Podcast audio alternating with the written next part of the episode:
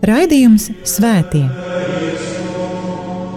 Katrā laikmetā ir dzīvojuši daudz svētie, un katrai paudzei tie ir un paliek kā dzīvās ticības liecinieki. Mocekļi, apliecinātāji, vīri un sievas, jaunieši un bērni. Svētie ir tik dažādi, gluži kā mēs, bet ir kāda īpašība, kura visus svētos vieno. Viņi mīlēja, mīlēja Dievu un cilvēkus. Raidījums par svētījumiem ir stāstījums par Dieva mīlestības reālo klātbūtni mūsu dzīvē. Santa Trinitas unos Deus, miserere Patris, Santa Maria, ora Lai ir slavēts Jēzus Kristus. Cienījami radījumi arī klausītāji, ētera skan raidījums par visiem svētajiem, un pie mikrofona esmu es, Priesteris Viečuslavs.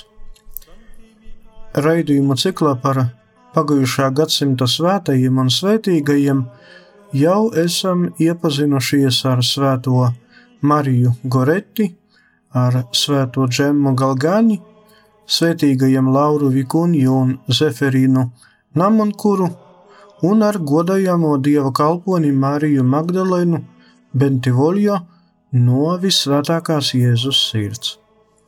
Šodien piedāvāju iepazīties ar godājamo dieva kalponi Terēzi Pantelini, Salīzijāņu kongregācijas māsu.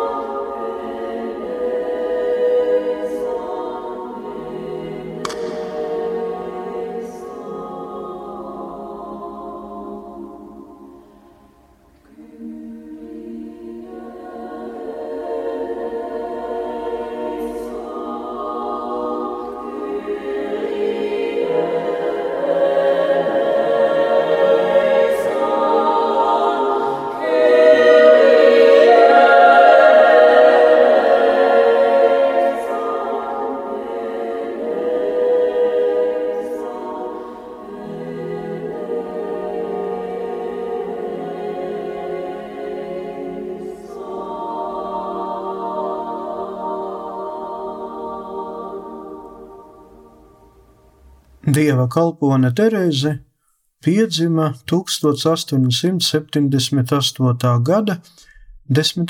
oktobrī Itālijas Milānā.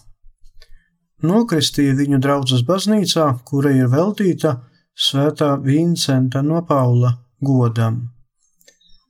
Terēzes ģimeni veidoja viņas tēvs un māte, Terēzes brālis un māsa. Jāsaka, ka ģimene bija labi situēta, jo ģimenes galva, Giuseppe, kad vēl bija jauns vīrietis, pārcēlās uz Eģipti, kur atvēra viesnīcu ķēdi, kas padarīja viņu bagātu un par ietekmīgu vīru. Eģiptē viņš arī apprecējās ar itālieti Giuseppinu. 1882. gadā Giuseppe ar visu savu ģimeni pārcēlās uz Itāliju. Vispirms viņa dzīvoja Milānā un pēc tam Florencē. 1890. gadā Terēzes tēvs nomira savā villā, atstājot sievu un trīs bērnus - Itālo, piedzimto Terēzi un Džuzepinu. Tas bija smags trieciens visiem, bet jo īpaši Terēzei, kura bija ļoti pieķērusies savam tētim.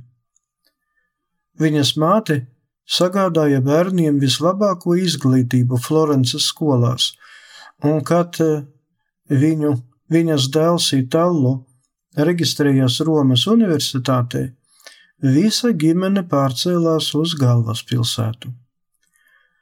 Terēzes māte nomira 1899. gadā, atstājot saviem bērniem lielu bagātību. Ja ir jānoraksturo Terēzi, nu vismaz viņas bērnības un jaunības dienās, tad jāpasaka, ka viņa nebija paklausīgākais un pazemīgākais bērns savā ģimenē. Viņa bija īsts holeriķis, enerģiska, izlēmīga, nepiekāpīga un arī valdonīga. Kā jau pateicu, Terēze ārkārtīgi lielu mīlestību un pieķeršanos veltīja savam tēvam. Vienlaicīgi viņa bija ļoti inteliģenta, zinātnāra un ļoti dumpīga. Tieši pateicoties mātes audzināšanai, Terēze iemācījās valdīt pār sevi un savām emocijām.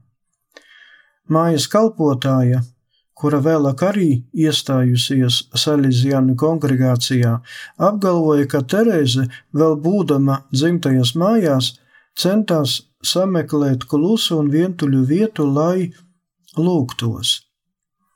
Un tas ir ņemot vērā viņas dumpīgo raksturu. Terēze diezgan bieži lūdzās rožu kroni kopā ar šo mājas kalpotāju un darīja nelielus tuvāk mīlestības un žēlsirdīgus darbus. Neraugoties uz to, ka Terēze centās staigāt pilnības un svētuma ceļus, viņa līdz pat savas dzīves beigām cīnījās ar savu nepanesamu raksturu. Tas, ka viņa vismaz ārēji spēja saglabāt sirds mieru, attālināšanos no laicīgām darīšanām un saglabāt priecīgu noskaņojumu, viņai maksāja ļoti daudz. Šajā ziņā Terēze varētu uzskatīt par īstā vārdā varoni. 1900. gadā Terēze izteica vēlmi iestāties Visvētākās Jaunavas Marijas Kristīgo palīdzības kongregācijā. Tēvs Marenko pirmajā sarunā ar Terēzi, ņemot vērā viņas raksturu, centās vērst viņas uzmanību uz nopietnām pārdomām par savu aicinājumu. Varbūt būs labāk, ka tu kļūsi par sievu vai māti. Un aizsūtīja Terēzi uz mājām, lai viņa vēlreiz nopietni pārdomātu soli, kuru bija nolēmusi spērt. Kad notika otrā tikšanās, tēvs Marenko piedāvāja Terēzei izvēlēties citas māsas, visvētākās Jēzus sirds oblātes, jo Terēze tieši pie viņām mācījās.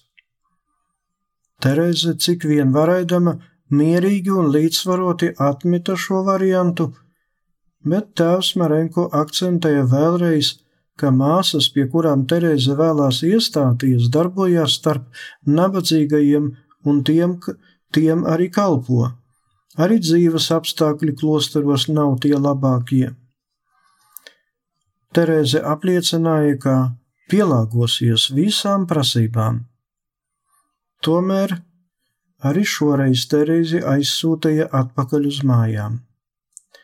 Tēvs Marenko ieteica vēlreiz apmeklēt visvētākās jaunavas Marijas Kristīgo palīdzības kongregācijas māsas, aprunāties ar viņām, paskatīties, kā viņas dzīvo, ko viņas dara.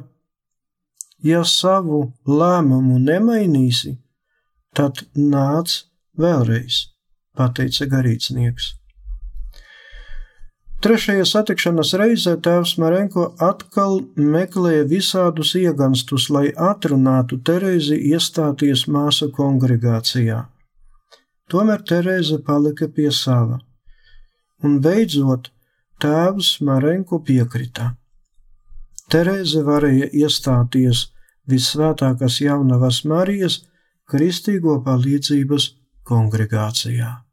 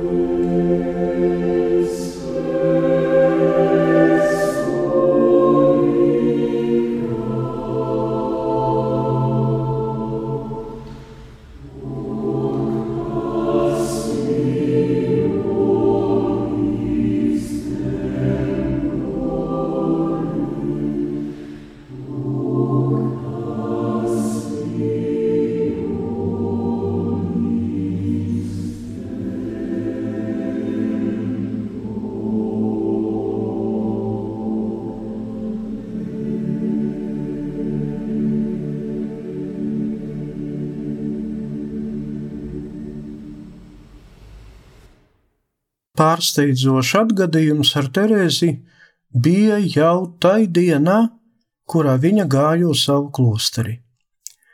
Terēze, sajaucot ceļus un ielas, aizgāja uz kāda cita klostera māju un, sarunājoties ar šīs mājas klostera priekšnieci, pēkšņi savā galvā sadzirdēja balsi: Ne šeit es tevi vēlos redzēt, Kad Terēze palūdza atdošanu par savu kļūdu un atnāca uz savu īsto klosteri, šī balss atskanēja vēlreiz: Šeit es tevi vēlos redzēt. Jāpiezīmē, ka šī vēlme iestāties klosterī Terēza sirdī mājoja jau kopš 15 gadu vecuma, un šī pārdeviskā balss tikai apstiprināja Terēzes lēmuma pareizību. Klosterī, vismaz sākotnēji, pārējās klostera māsas centās izrādīt pret Terēzi pretimnākšanu, gan viņas stāvokļa dēļ, kas viņai bija pirms iestāšanās klosterī, nu, viņa taču bija bagātniece, gan Terēzes diezgan vājas veselības dēļ, Terēze ar visu savu sirdi sacēlās pret to un vēlējās būt kopā ar māsām gan viņu priekos, gan bēdās. 1901. gadā Terēze saņēma klostera māsas tērpu, habitu. Sākās noviciāta laiks, kuru Terēze nodzīvoja diezgan nabadzīgajā klostermājā Bosko Parasio. Tur bija lieliska iespēja būt kopā ar nabadzīgajiem bērniem no Romas Trastevere kvartāliem. Jaunā klostermāsa prata tikt galā ar bērnu nikiem vai citreiz klāju nepieklājību. Citreiz viņa aizrādīja, citreiz pasmējās kopā ar visiem, citreiz vienkārši paklusēja, bet pāri visam viņa lūdzās. Pēc noviciāta gada Terēze salika kongregācijas pirmos svētsolījumus.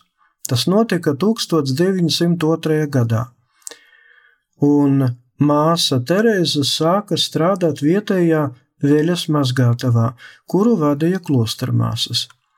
Tur tika nodarbinātas ap 30 jaunu meiteņu, ar nolūku viņas atturēt no klaiņošanas pa ielām un ubagošanas.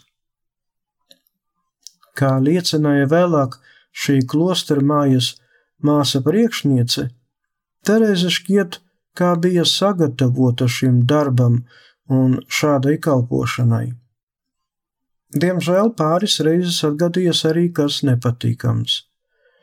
Kādā no svētdienām uz klosteri atnāca piecas vai sešas agresīvi noskaņotās jaunietes. Viņas uzbruka vienai no klostermāsām un norāva tai galvas segu. Dažas jaunietes no klostera māsu vadītās mājas patversmes nostājās pretī, aizstāvot klostera māsu izcēlās pamatīgs kautiņš. Māsa Terēze atradās savā gultā, jo bija saslimusi, tomēr viņa piecēlās un noskrēja lejā, lai iejauktos, bet pa to laiku jau bija ieradusies policija un agresīvas jaunietes tika jau apcietinātas. Māsa Terēze tam nespēja piekrist un teica, ka tā rīkoties nevar un arī nedrīkst, Viņa centās panākt policijas mašīnu, tomēr nespēja. Viņa salima. Vēlāk viņa atrada šīs jaunietes un palīdzēja iekārtoties darbā.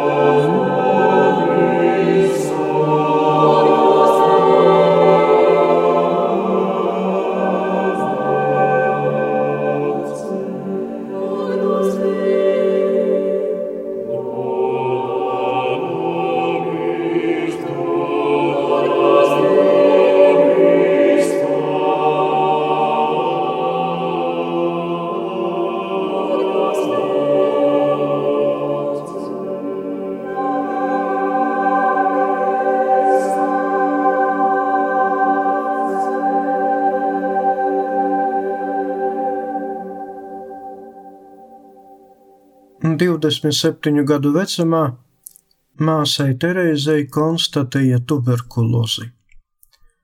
Terēza šo slimību pieņēma kā dieva gribu. Savā mazajā dienas grāmatiņā Terēze uzrakstīja: Nepieļauj, kungs, ka man uzbruktu kārdinājums nokāpt no šī krusta, jo es upurēju tev visu savu dzīvi. 1907. gadā, pēc tam, kad māsa Terēze bija jau uz kādu laiku apmeklējusi savas dzimtas mājas, viņu aizsūtīja uz Turīnas slimnīcu.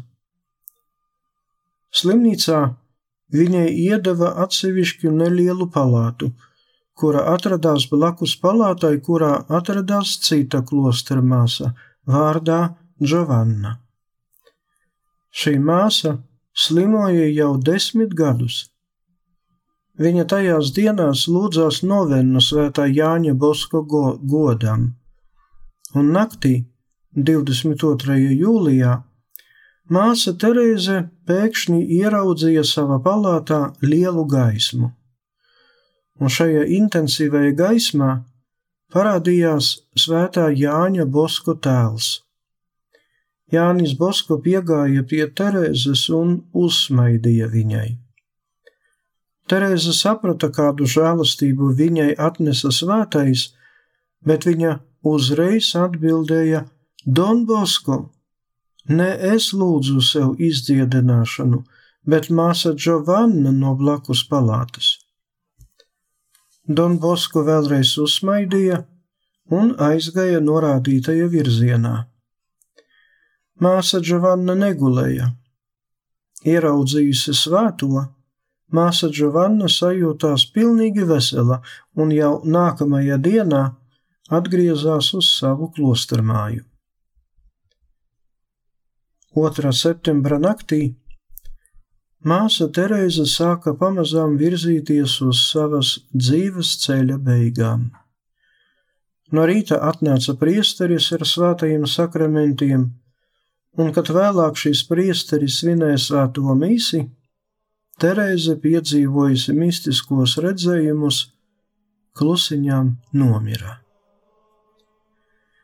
Māsas Terēzes beatifikācijas procesi atvērās 1906. gadā 29. No novembrī, un ar dekrētu par viņas varonīgā tikuma atzīšanu 1982. gada 12. jūlijā viņa tika pasludināta par godājamo māsu Terēzi lai viņas dzīves piemērs mūs katru mudina kalpot Dievam tā, kā Kungs mums ir devis žēlastību to darīt un mūs aicina to darīt.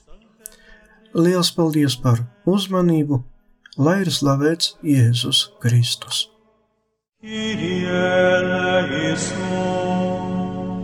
Raidījums Svētie! Katrā laikmetā ir dzīvojuši daudz svētie, un katrai paudzei tie ir un paliek kā dzīvās ticības liecinieki. Mocekļi, apliecinātāji, vīri un sievas, jaunieši un bērni. Svētie ir tik dažādi, gluži kā mēs, bet ir kāda īpašība, kura visus svētos vieno. Viņi mīlēja, mīlēja Dievu un cilvēkus. Raidījums par svētījumiem ir stāstījums par Dieva mīlestības reālo klātbūtni mūsu dzīvē. Santa Trinitas unos Deus, miserere Santa Maria. Ora.